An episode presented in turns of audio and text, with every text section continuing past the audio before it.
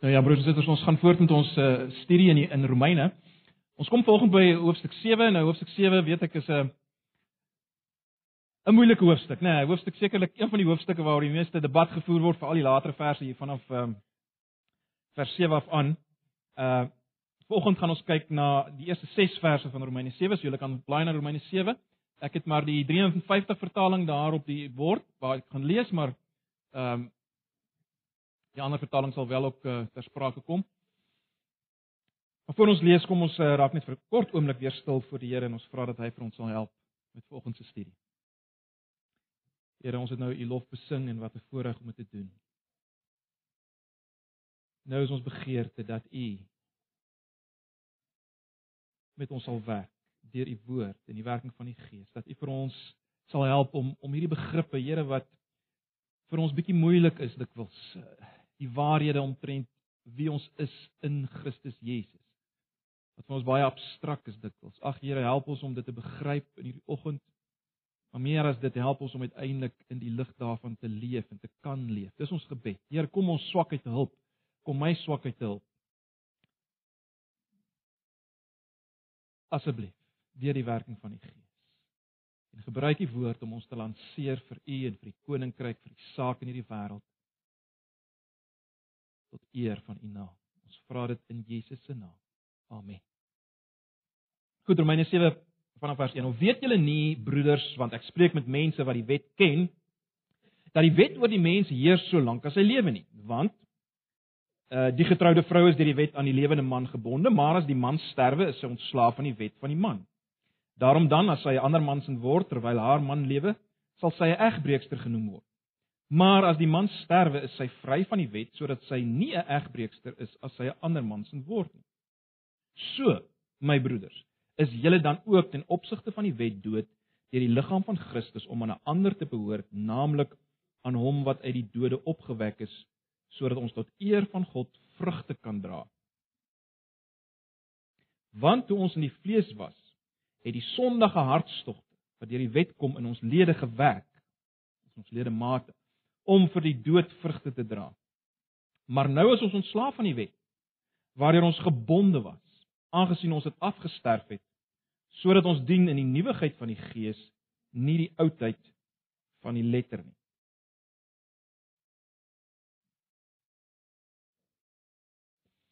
Nou ek dink ons almal ken die uitdrukking uh, die, die vrug van die moederskoot. Ons ons ken die uitdrukking, ons weet dit verwys eintlik na kinders, nee, as ons praat van die vrug van die moederskoot. Uh, ons ken sekerlik almal situasies waar 'n uh, waar 'n vrou getroud was uh met 'n sekere man en die man het gesterf en dan het die vrou in die huwelik getree met 'n ander man. Daar's niks vreemd daaraan nie. Uh dit is heeltemal aanvaarbaar en reg want haar man het gesterf. Ons weet ook van gevalle waar 'n uh, vrou getroud was met 'n sekere man en en daar was nie kinders in die huwelik nie en toe sy met 'n tweede man getrou en uh, daar was uh, kinders uh, in die huwelik in die huwelik gewees. Uh, uh, was moontlik gewees. So so al hierdie hierdie tipe begrippe en dinge is vir ons uh, ons ken dit nê. Nee. Nou Paulus verwys na al hierdie goed eksplisiet of implisiet. Maar die punt natuurlik vanoggend is Paulus praat hoegenaamd nie. Hy praat hoegenaamd nie oor die huwelik en hertrou en kinders nie. Nee, dis nie waaroor hoofstuk 7 gaan nie. Dis nie waaroor dit gaan nie. En dit is belangrik dat ons dit sal weet. Paulus is steeds besig, broers en susters, om te praat oor die twee groot realiteite wat hy aangespreek het of begin aanspreek het in hoofstuk 5. Die mens in Adam en die mens in Christus. Of as jy wil, die toestand van die mens in Adam en die toestand van die mens in Christus. Kyk, elke mens is vanoggend of in die een in Adam, die eerste Adam, of in die laaste Adam Christus, ook jy. Elkeen is in een van hierdie twee posisies. Alle mense terloops vanaf geboorte is volgens Paulus in die eerste Adam. Jy staan skuldig aan sy oortreding en sonde. Jy deel sy natuur en jy doen nog meer sonde by. En die uiteinde van hierdie een daad van Adam se ongehoorsaamheid sal ook vir jou uiteindelik die dood beteken. Maar dan is daar die wat in soos Paulus dit noem in die laaste arm in Christus is. wat deel aan sy Jesus se een daad van gehoorsaamheid aan die kruis. En hulle natuurlik het nou deel aan wie hy is en hulle kan vir God lewe en vir geregtigheid lewe. Dis die twee realiteite wat alreeds in hoofstuk 5 na vore kom. In hoofstuk 6 het ons gesien dat Paulus nou as te ware inzoom op die mense wat in Christus is, in die laaste Adam is. En en in hoofstuk 6 sal julle onthou maar Paulus 'n geweldige radikale stelling. En broers en susters, dis sekerlik van die belangrikste dinge om as Christen in hierdie lewe te begryp. Hy maak die stelling dat jy as kind van die Here is dood vir sonde.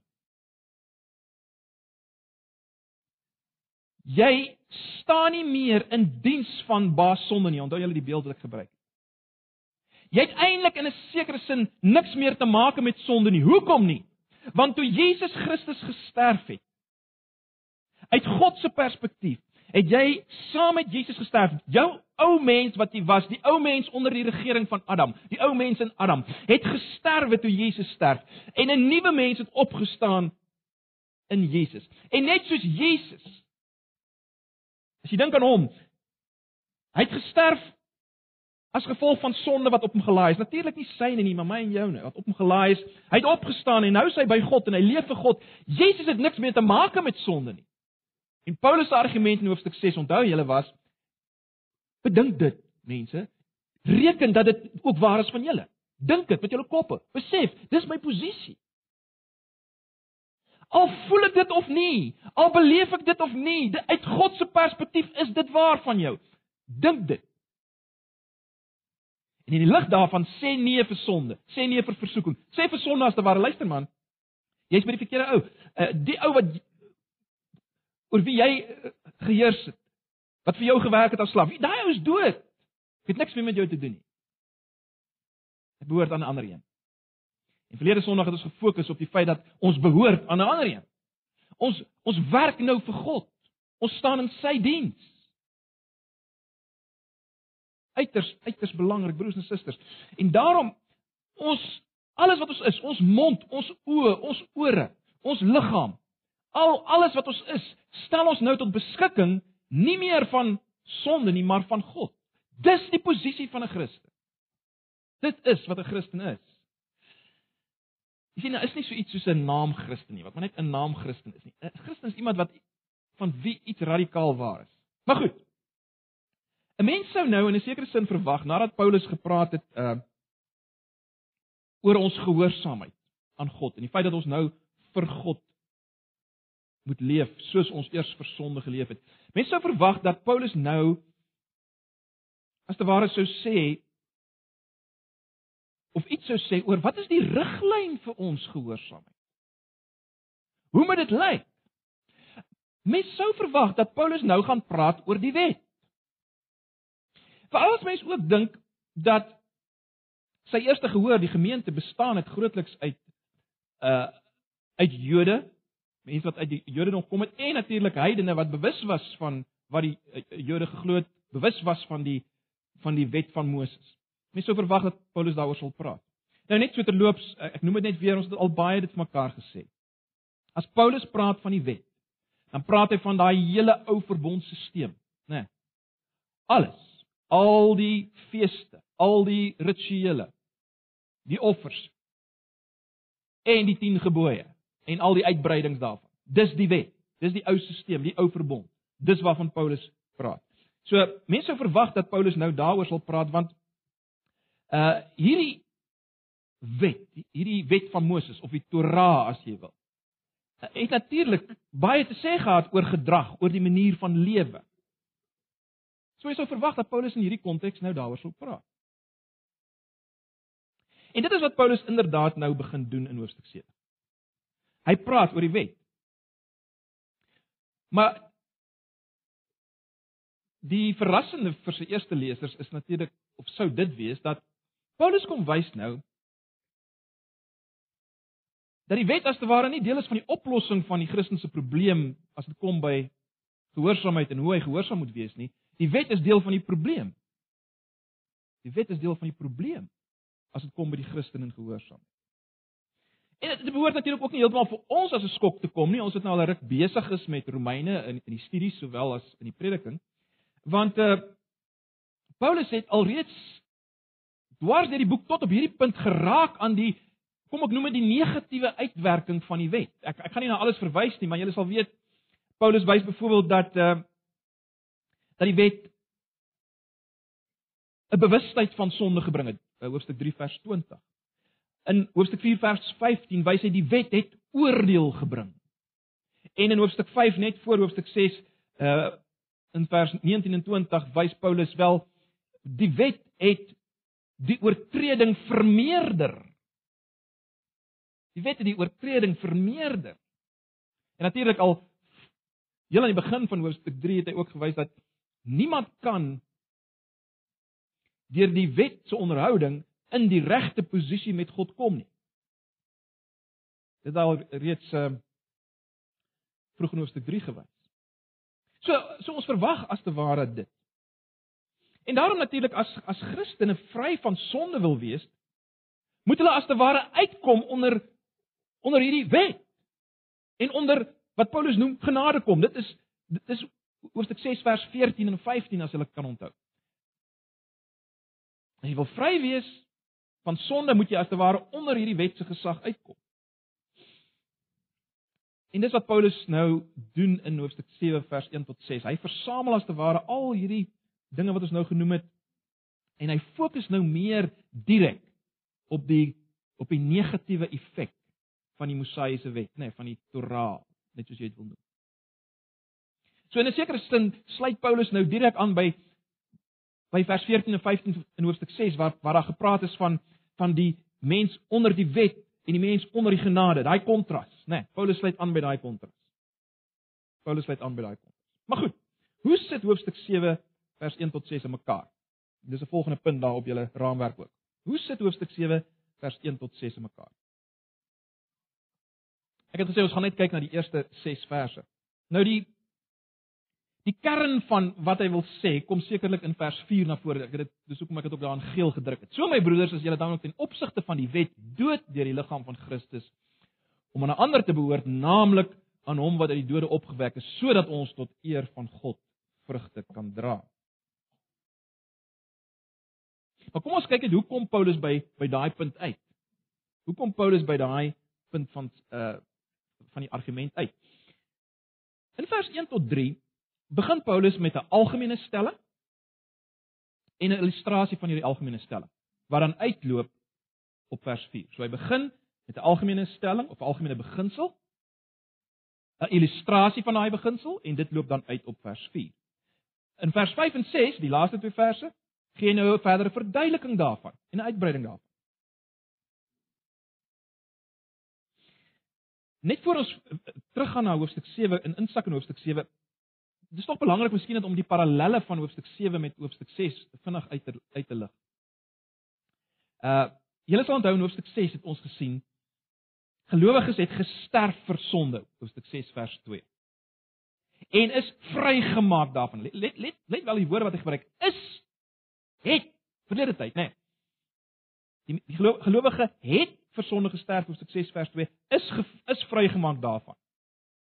Nou in hoofstuk 7 sien ons Gelowiges is in opsigte van die wet dood vers 4 van hoofstuk 7 en vrygemaak vers 6. So die gedagte van dood en vryheid wat hy eers in hoofstuk 6 gekoppel het aan sonde, koppel hy nou aan die wet. Soos dood en vry, nê, nee, hy koppel dit nou aan die wet. Uh in hoofstuk 6 het ons gesien dat vryheid van sonde lei tot diens aan God en en en die produsering van vrugte wat God behaag. Jy kry dit in 6 vers 18 tot 22. Nou in hoofstuk 7 wys hy wel vryheid van die wet lei tot 'n dien in die nuwigheid van die gees vers 6 van hoofstuk 7 en die produsering van vrug vir God vers 4 van hoofstuk 7. So ag ek, ek lig dit maar net uit dat julle sien daar's 'n geweldige parallel. Met ander woorde, die vryheid van sonde wat lei tot diens van God word hier vervang met die vryheid van die wet wat lei tot diens aan God. Kom ons gaan nou net terug na hoofstuk 7 vanaf vers 1. Nou Vers 1 begin met 'n algemene beginsel. Paulus sê die wet heers of het gesag oor die mens solank as hy lewe. En hy begin met 'n vraag en hy sê julle weet dit of soos die soos die letterlike vertaling dit sê, weet julle weet julle dan nie, nee, dis 'n tipiese formule wat Paulus gebruik om te verwys na 'n beginsel wat al sy lesers weet is waar. En hy sê ook hy praat met mense wat die wet ken. Nou die wet waarvan hy praat, is nie 'n ander wet nie, dis die wet waarvan ons net gepraat het, nê, nee, die wet van Moses. Dit mag selfs wees dat Paulus hier verwys na 'n baie bekende rabbiniese spreekwoord. Daar was so blykbaar so rabbiniese spreekwoord wat gesê het: As 'n man sterf, is hy vry van die Torah en die nakom van die gebooie. Dit was so so slagspreuk wat hulle gehad het. As 'n man sterf, is hy vry van die Torah en die nakom van die gebooie. Dit mag wees dat Paulus in vers 1 daarop sin speel. So dis vers 1. Kom ons kyk 'n bietjie na vers 2 en 3. Hoe moet ons dit verstaan? Dis hier waar waar uh, julle so 'n bietjie moet kop hou. Nou daar's basies twee maniere hoe daar gekyk word dikwels na vers 2 en 3. In die eerste plek, vers 2 en 3 word dikwels gesien as 'n 'n allegoriese illustrasie van vers 4. Met ander woorde, vers 2 en 3 is so 'n beknopte vergelyking van wat ons in vers 4 kry. Right, so 2 en 3 word direk gekoppel aan aan vers 4. Met ander woorde, die gedagte is dit: Die vrou waarvan vers 2 en 3 praat wat se man gesterf het en nou is sy in daardie sin bevry van die wet van die huwelik. Wel, dit is soos 'n Christen wat getroud is met die wet. En nou sterf die wet. En die dood van hierdie eerste man van haar maak haar nou vry om te trou met 'n ander man, naamlik Christus, Jesus Christus.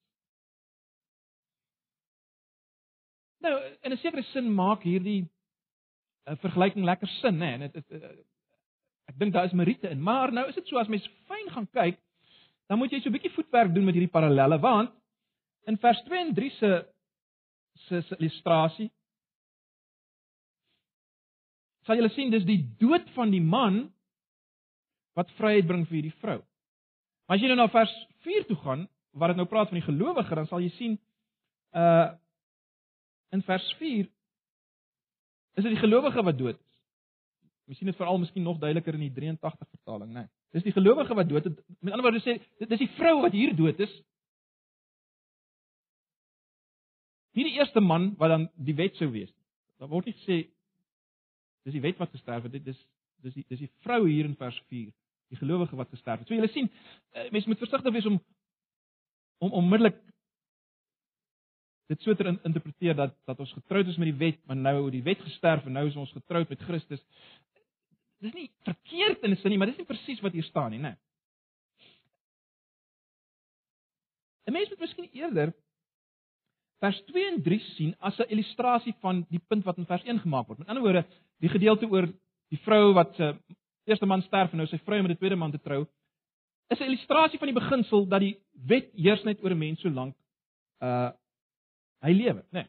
So met met mens moet waarskynlik vers 2 en 3 sien as 'n illustrasie van vers 1 met 'n mate van toepassing op vers 4 of 'n gedeeltelike toepassing op vers 4. Met ander woorde, hierdie waarheid van vers 1 tot 3 het 'n mate van toepassing op ons as gelowiges in vers 4.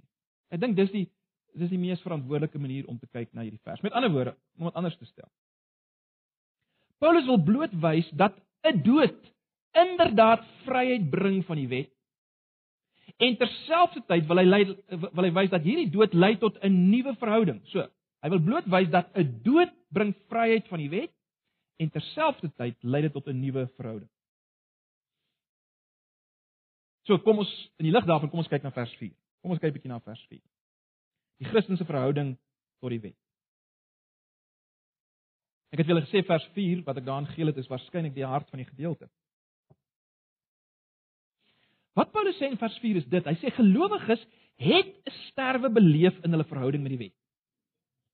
Dis al wat hy sê. Hy sê nie presies wie is presies dit wat nou gesterf het en watter deel. Dis nie hy sê bloot dit. Gelowiges het 'n sterwe beleef in hulle verhouding met die wet. Hy het hulle het 'n dood beleef, let wel wat hulle vrygemaak het van die wet en in staat stel om in 'n nuwe verhouding te staan. let wel 'n verhouding te staan en ek kan nie genoeg klem daarop lê nie. Ons staan nou in 'n verhouding. Die beeld van sterwe is dieselfde hier as wat dit was in Hoofstuk 6 vers 2 en 10 waar die sterwe spesifiek verwys het na die bevryding van 'n slaweband. Die bevryding van 'n slaweband. Jy, jy sien dit is baie belangrik. Ek en jy as gelowiges, let wel, is nie net bevry van die slaweband van sonde nie. Ek en jy is ook bevry van die slaweband van die wet. Soos ek weet nou net verduidelik. Dis uiters belangrik. En Paulus sê hierdie bevryding, hierdie hierdie losmaak van hierdie band is letterlik bewerk, soos hy dit noem, deur die liggaam van Christus. En, en wat wat waarna Paulus waarskynlik maar net verwys, is dit wat deur Jesus gedoen het op Golgotha, né? Die dood van Christus aan die kruis. Dit het hierdie bevryding gebring. Hierdie dood ten opsigte van die wet gebring. En die belangrike resultate van hierdie vrymaak is dat nou kan gelowiges aan Christus verbind word in 'n huwelik. Net soos daai vrou uh wie se eerste man dood was, vry was om nou 'n nuwe met 'n nuwe man te trou. Paulus sê dis nou waar van julle. Nou is julle klaar. Julle is klaar met die wet. Dat 'n sterwe plaasvind, maar nou kan julle in 'n nuwe verhouding gaan. Nou eers kan julle in 'n nuwe verhouding Nou kan jy aan Christus verbind word, let wel in 'n huweliksverhouding. En dit is interessant. In hoofstuk 6 het hy baie klem gelê op die feit dat ons is nou letterlik slawe van God, slawe van gehoorsaamheid. Nou kom hy en hy en hy wys julle moet dit reg verstaan. Julle is eintlik meer in 'n in iets soos 'n huweliksverhouding met God, met met met met God in Christus Jesus, né? Nee. Baie belangrik, julle is in 'n huwelik met al die implikasies daarvan. Met alles wat dit behels. Maar ons moenie die implikasie mis nie, né? Paulus wil hê ons moet dit baie mooi raak sien. Hy wil hê sy eerste lesers en ons moet baie duidelik verstaan. 'n Persoon kan nie Dink nou terug aan die aan die huwelikswet. 'n Persoon kan nie gebind wees aan die wet en terselfdertyd gebind wees aan Christus. Jy kan net gebind wees aan die een as jy vry is van die ander een. Hoor julle die die radikaliteit hiervan? Kan net gebind wees aan een as jy vry is van die ander een.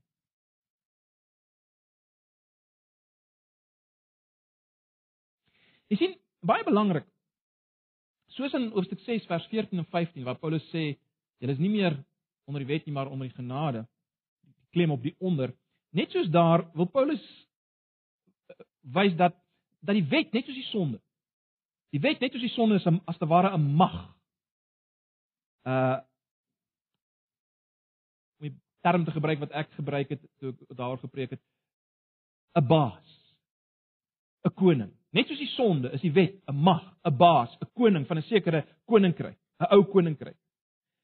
En as jy onder sy absolute gesag leef, dan kan jy nie onder Christus se absolute gesag leef. Dis die punt, né? Nee. Albei kan nie saam bestaan nie. Jy moet eers bevry word van die wet se gesag as jy wil, dan kan jy verbind wees met Christus. En en en, en natuurlik in die agtergrond van wat Paulus sê, lê die groter prentjie, nê, nee, die groter as jy dit wil om 'n groot woord te gebruik, die verlossingshistoriese raamwerk as jy wil, die groter prentjie in die agtergrond. Wat Paulus as te ware na verwys of wat in die agtergrond van sy kop is, is is dat die ou era het verbygegaan. Die era van die wet het tot 'n einde gekom met dit wat Christus gedoen het. En ag as jy nou Galasiërs gaan lees, dan sien jy dit miskien nog duideliker, nê, nee, dan Galasiërs 3 gaan lees maar Galasiërs weer. Die ou era onder die wet het tot 'n einde gekom met wat Christus gedoen het. Die hele wetstelsel sê Paulus in Galasiërs is was tot op Christus. Toe eindig dit. Dit het tot 'n einde gekom. En dit beteken as jy nog As jy nog onder hierdie ou stelsel leef, onder die wetstelsel leef, wat wat sê dit per implikasie? Wel, broers en susters, dit sê implikasie. Jy verloon Jesus Christus en die werk wat hy gedoen het. So ernstig is dit. Eh, en as mens dit verstaan, verstaan mens hoekom Paulus in Galasiërs sê, kyk, as julle nou weer wil begin dinge van die wet doen, maak julle julle los van die band met Christus en julle plaas julle self weer onder die vloek van God. So erg sê hy dit in Galasiërs. Dis 'n ernstige saak hierdie, né? So as jy weer onder die ou era wil leef, verloon jy Christus wat die einde van die wet is. Dan sê jy nie hy is nie. Nou, vers 4. Vers 4 wys baie duidelik wat is die doel waarvoor ons vrygemaak is, né? Nee, ons die doel is sodat ons uiteindelik kan vrug dra vir God. Of as jy wil om die beeld te gebruik wat ek aan die begin gebruik het om kinders te kry vir God, né? Nee, Hy speel met daai tipe beelde, né? Vrug dra.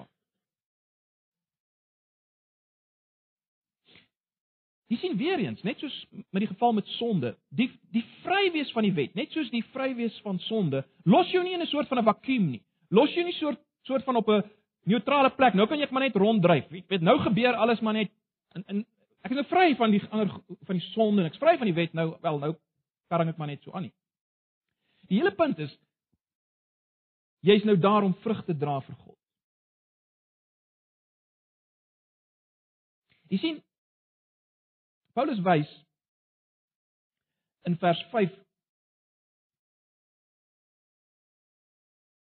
Hoe lyk hoe het ons lewens gelyk onder die ou bedeling? Hoe het ons lewens gelyk onder die ou bedeling? Onder die wetsbedeling.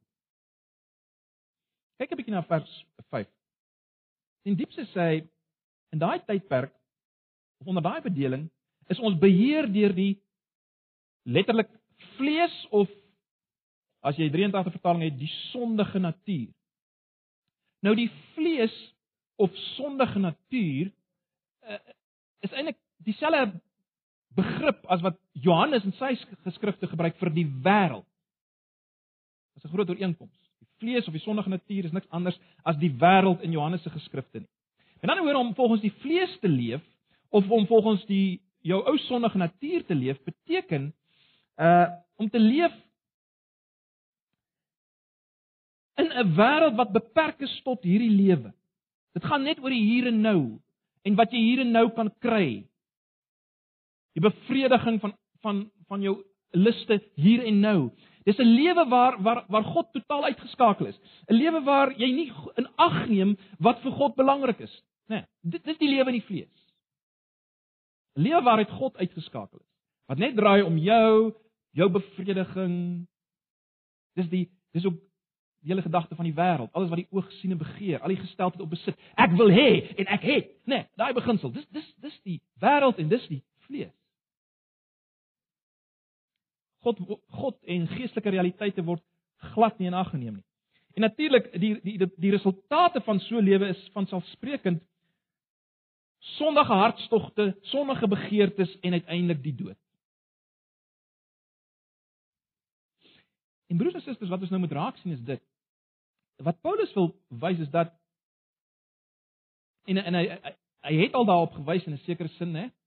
En hy gaan weer daarop wys wat Paulus wil wys is dat die wet van Moses het nie verligting gebring vir die toestand nie en kan nie verligting bring vir hierdie toestand nie, vir hierdie, hierdie lewe wat ek nou beskryf het van die sondige natuur en die vlees nie. Die wet van Moses is nie die oplossing daarvoor. En dan wanneer jy begin om te kyk, okay, wag, wag, wag. Ek ek moenie dit doen nie, ek moet nou hierdie wet nakom. Dit, dit dit help nie. Dis wat Paulus wil sê. Om die waarheid te sê, dit vererger net die saak.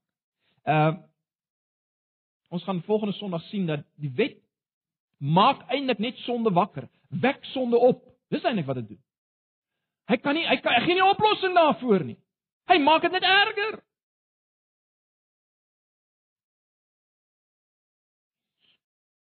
Ons dink net vir 'n oomblik nou terug weer aan Paulus Paulus se huweliksbeeld.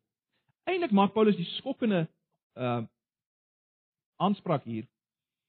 En uh, vir ons is dit miskien nie so skokkend nie, maar vir die Jode moes dit nogal skokkend gewees het. Wat hy eintlik sê is dat die wet het het 'n huweliksband veroorsaak. Let wel nie met God soos ons sou verwag. Die wet het 'n huweliksband veroorsaak met die ou Adam. En in die lig daarvan verstaan mens vers 5 in die lewe van die vlees. En daarom, broers en susters, wil Paulus klem lê op die feit dat ek en jy moet bevry word van die wet. 'n Persoon moet bevry word van die wet vers 4 as jy God wil dien. Hoor ons dit? As jy hoegenaamd God wil dien, moet jy bevry word van die wet. En dis presies die situasie onder die kom ons noem dit die nuwe era. Die nuwe regering waarvan vers 6 praat. Dis presies die situasie daar, né? Nee, dis die situasie in vers 6. Ons is ontslaaf van die wet wat ons eers gebind het. Ons het gesterf wat betref daardie wet. Daai wet wat ons as te ware gebind het aan die aan die ou Adam, nou kan ons op 'n nuwe manier op 'n nuwe manier die manier van die Gees God dien sien julle die laaste vers aan die laaste gedeelte van vers 6 sodat ons dien in die nuwigheid van die gees en nie die oudheid van die letter nie, die gramma nie. Nou Paulus het al as jy terug kan onthou in Hoofstuk 2 vers 29 het hy al hierna verwys, né? Nee. Die hele ou bedeling word baie keer beskryf as die bedeling van die letter. Uh jy kan ook in 2 Korintiërs 3 dit sien. Die letter, die ou bedeling onder die wet. Hy bring die die kontras tussen daai bedeling en nou die bedeling onder die Gees. Dis dis waar ons onsself nou bevind. Dis waar ons onsself nou bevind, die bedeling van die Gees. Jy sien die hele ou bedeling, dis wat Paulus wil wys is is eintlik was die nakoming van of wat jy doen gehad met dinge wat van buite af op jou afgedruk is, letterlik op papier as jy wil. En natuurlik ons leef nou in 'n nuwe bedeling uh om terug te verwys na hoofstuk 2 waar hy die dieselfde terme gebruik het. Ons het nou nuwe harte, nê, nee, waarvan Esegiel gepraat het. Onthou julle nog Esegiel? En ons is in daardie bedeling. So, broers en susters, dis min of meer wat hoofstuk 7 se eerste vers 6 uh, 6 verse sê, maar maar, maar goed, wat wat beteken dit nou prakties vir ons?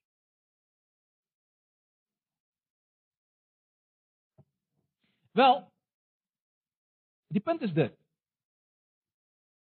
As jy vanoggend hier sit en jy het nog 'n Ou Testamentiese tipe godsdiens. 'n Wetsgodsdiens. 'n Ou verbondsgodsdiens. Wat jy moet weet vanoggend is, jy kan nie en jy sal nie vrug dra vir God. Jy kan God nie so dien nie. Ek dink ons moet dit mekaar ten minste sê. Hoe lyk 'n Ou Testamentiese godsdiens, 'n wetsgodsdiens in ons konteks. Wel, dit is is is is, is moeilik om vanoggend nou dit alles vas te vat, maar maar dit gaan basies oor 'n godsdiens waar jy 'n tipe van leef op grond van 'n lysie van dinge wat jy aftik waaroor jy goed voel as jy dit nakom, voel jy jy behaag God hierdeur. Ehm um, ek moet dit doen, ek moet dat doen. As ek nie dit gedoen het nie, dan as ek dan as ek nou ja, as te ware uit verhouding met God Jy maak vir jouself reëls en regulasies en wette, 'n lewe van raak nie, smaak nie, roer nie aan nie waarvan Kolossense praat.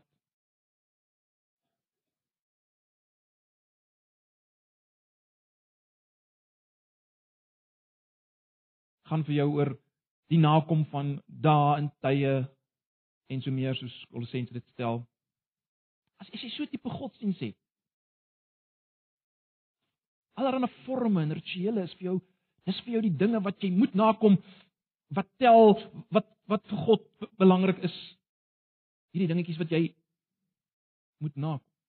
Ek ek dink in ons konteks is dit iets van wat dit beteken om om onder die wet weer te leef. Die die die punt wat ons moet verstaan is as jy in so 'n posisie is dan kan jy nie vrug dra vir God nie. Ag ek het al baie daarna verwys, maar Julle sal weet in Jesaja 5 en julle hoef nie nou daarna te blaai nie. Julle kan maar rustig gaan lees vanmiddag en uh, ek het al daarna verwys. In Jesaja 5 skep God 'n geweldige beeld van Israel, sy volk as 'n wingerd. Onthou nou Israel het geleef onder die ou bedeling, die wetsbedeling. En hy beskryf Israel as 'n wingerd, 'n wingerd waarvoor hy alles doen. Hy maak die grond reg. Hy hy bou 'n heining om en die wingerd kry water en alles. En dan sê God, hy het verwag dat die wingerd sou vrug dra, maar dit het, het suurdruiwe voortgebring. Jy sien dis die bedeling onder die wet. kan nie die vrug dra wat God wil hê nie.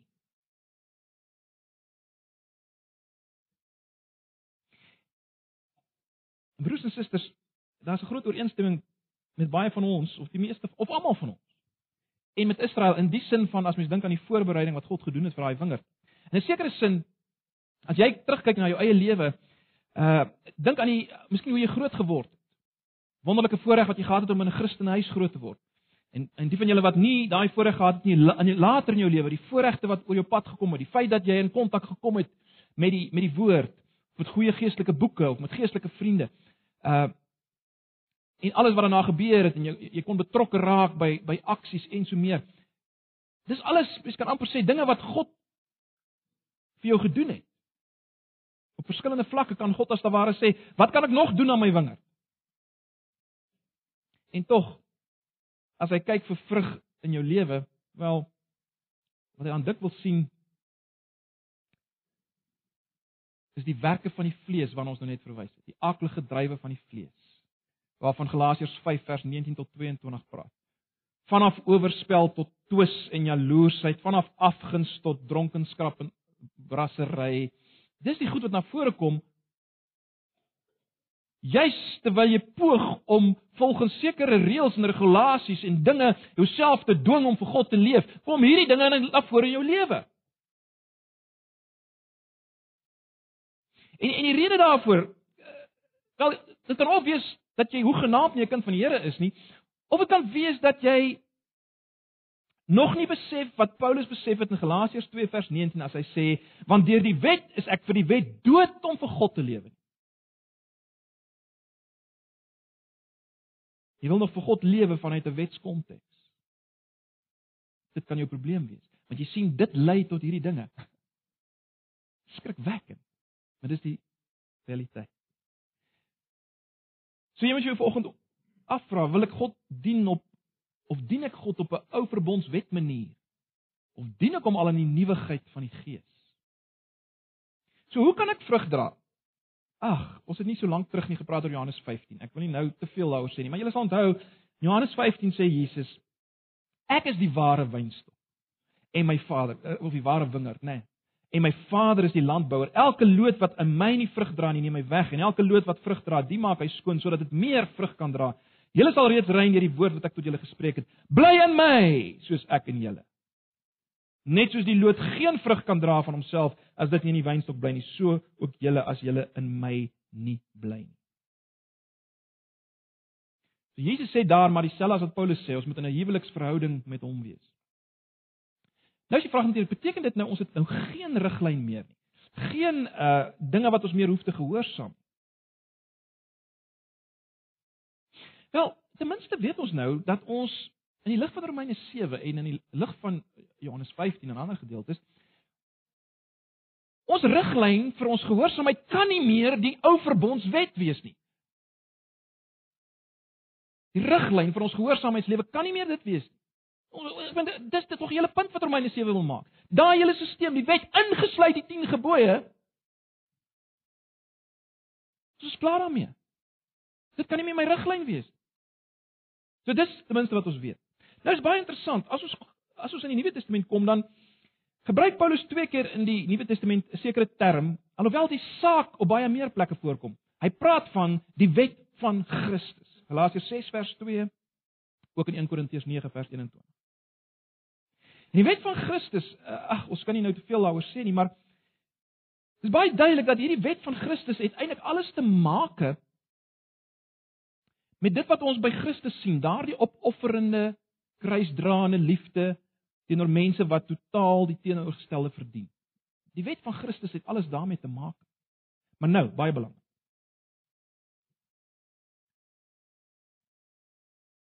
Wat ons nou in die lig van Romeine In die lig van ons nuwe posisie moet weet is dit. Die wet van Christus is nie 'n nuwe stel reëls wat die oues vervang nie. So daar was 'n ou stel reëls, dit is 'n nuwe stel reëls.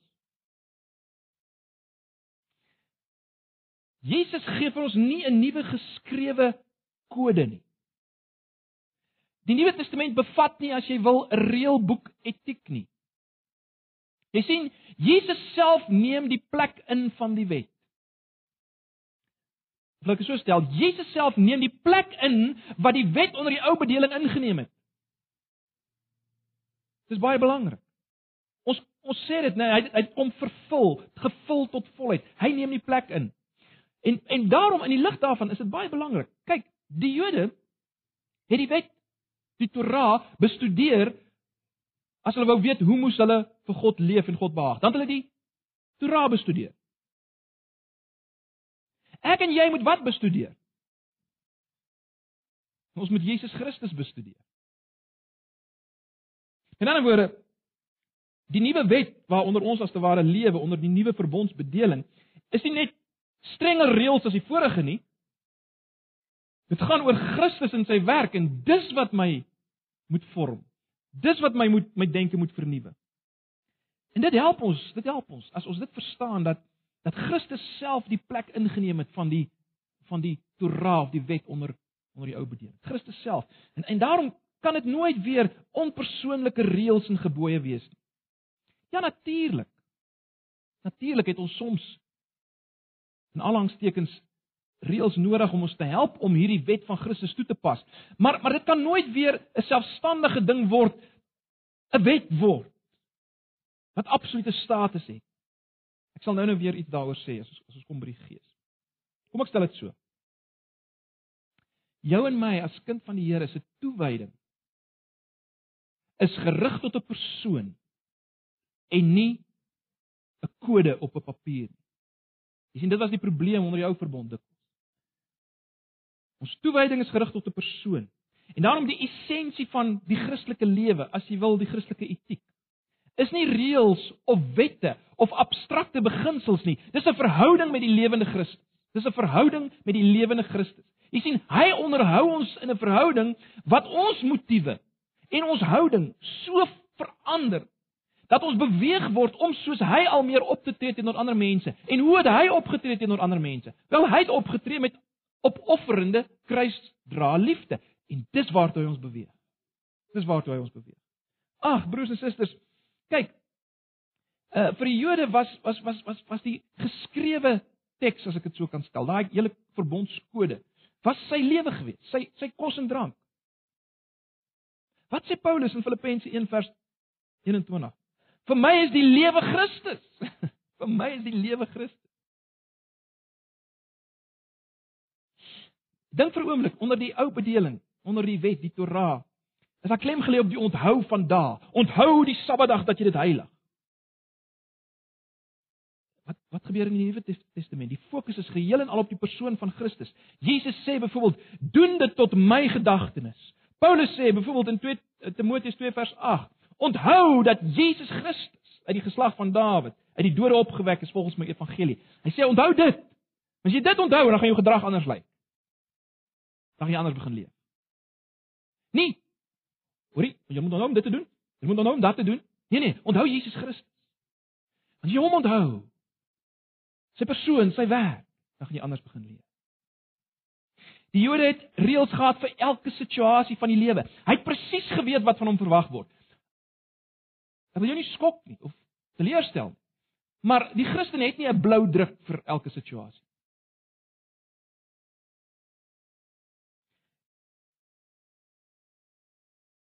Ons volg Jesus na in elke situasie.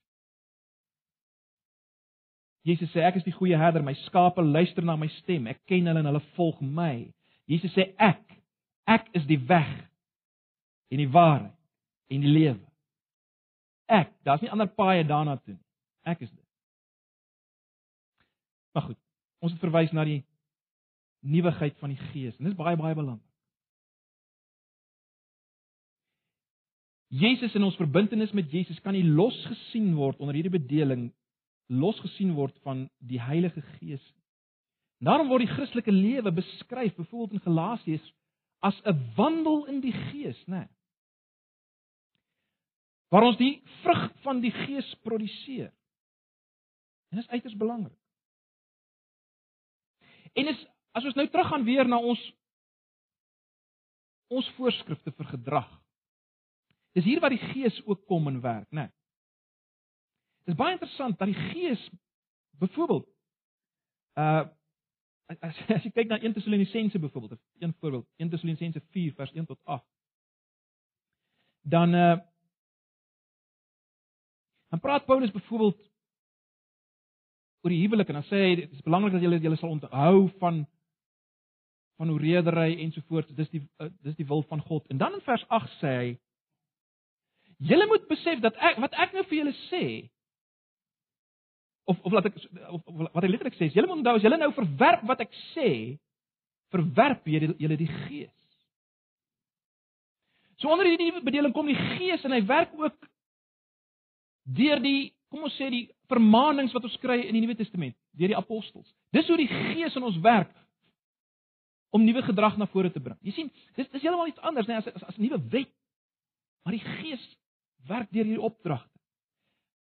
Ag, ek kan nie nou uitbrei op alles nie, maar die broederlike aansporing waarvan Galasiërs 6 vers 1 praat, is baie duidelik. Dit vind plaas dis hoe die Gees ons aanspoor. Die Gees werk so. Die voorbeeld van ander Christene, dis hoe die Gees werk. Die ampte en die gawes in 'n gemeente, dis hoe die Gees in ons werk om sekere gedrag in ons tot stand te laat kom. Die Gees bring daardie gedrag, nie 'n wet nie, nie 'n stel reëls. Die Gees wat werk deur die gawes en die die ampte wat daarvan deel is. En so kan ons aangaan. En natuurlik, baie belangrik. Die Gees werk as te ware ook wat ek so sê, die Gees werk ook in ons, nee, dis nie net van buite op hierdie manier wat ek nou genoem het nie.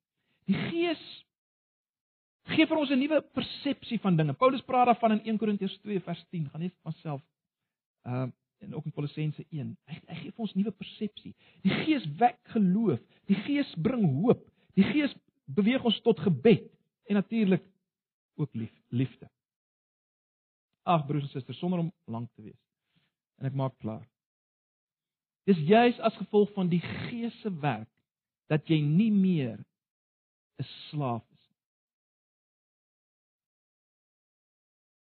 Kyk, wat is slawerny? Slawerny is as jy van buite af beveel word om iets te doen wat jy nie van binne af regtig wil doen nie, dan jy slaap.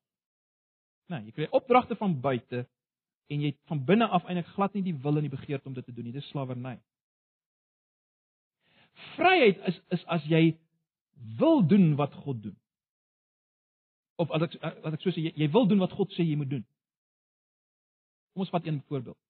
God sê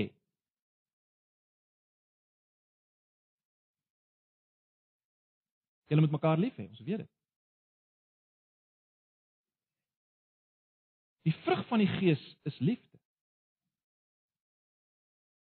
Hoor julle dit? Die vrug van die Gees is liefde. Met ander woorde, die Gees bring vryheid. Want dit is nie nou meer dat ek iets moet doen wat ek van binne nie wil doen nie. Ek dra die vrug van die Gees wat liefde is. So dit's vryheid. Ek is werklik vry. Ek wil dit doen. Dis totaal iets anders. Dis totaal iets anders. Kom van binne. Dis dis 'n ander Dis 'n ander raamwerk waarbinne ek leef. Ons dien in die nuwigheid van die Gees, nie die oudheid van die letter nie. Dit is baie baie belangrik. Ag broers en susters, ons kan nog baie hieroor praat. Galasiërs praat ook baie oor hierdie eh, feit dat ons nie meer slawe is van die ou stelsel. Maar wat ons moet verstaan is natuurlik dit en dit is baie belangrik. Dit wat ek nou gesê het en ek ek dink ons het dit raak gesien, nê, nee, beteken nie dat die Christen maar net leef soos hy wil en aanhangstekens wetteloos is. Dit beteken nie dat dit nou nie meer saak maak of ek egbreek of steel of gehoors ongehoorsaam is aan my ouers nie. Nee, nee, nee, glad nie. Nee, ek doen al hierdie dinge, maar ek doen baie meer en ek doen dit nie omdat dit die geskrewe kode vir my is nie. Ek doen dit omdat Jesus my voorbeeld is. Wat baie meer is en baie verder gaan. Ek dra vrug vir God. Jy sien, Ek doen hierdie dinge nie meer as 'n slaaf nie. Maar as iemand wat vry is. Maar let wel, nou in 'n huweliksverhouding staan met Jesus Christus. Waar ek wil doen wat die Here behaag. Ag broers en susters, ek ek ek ek vertrou hierdie paar opmerkings help ons om net te begryp waar ons onsself bevind as kinders van die Here, in die nuwe raamwerk waarin ons leef. Mag die Here ons daarmee help. Miskien sit jy nou vanoggend nog met vrae en jy vra maar okay, maar wat dan? Was die was die wet dan nou 'n groot fout? Is dit sleg? Wel, kom volgende Sondag. Dan gaan ons hierdie vrae beantwoord in die lig van die verdere verse. Maar vir nou, mag die Here ons help om te leef as mense wat in hierdie nuwe verhouding staan. Ons raak net vir 'n oomblik stil voor die Here.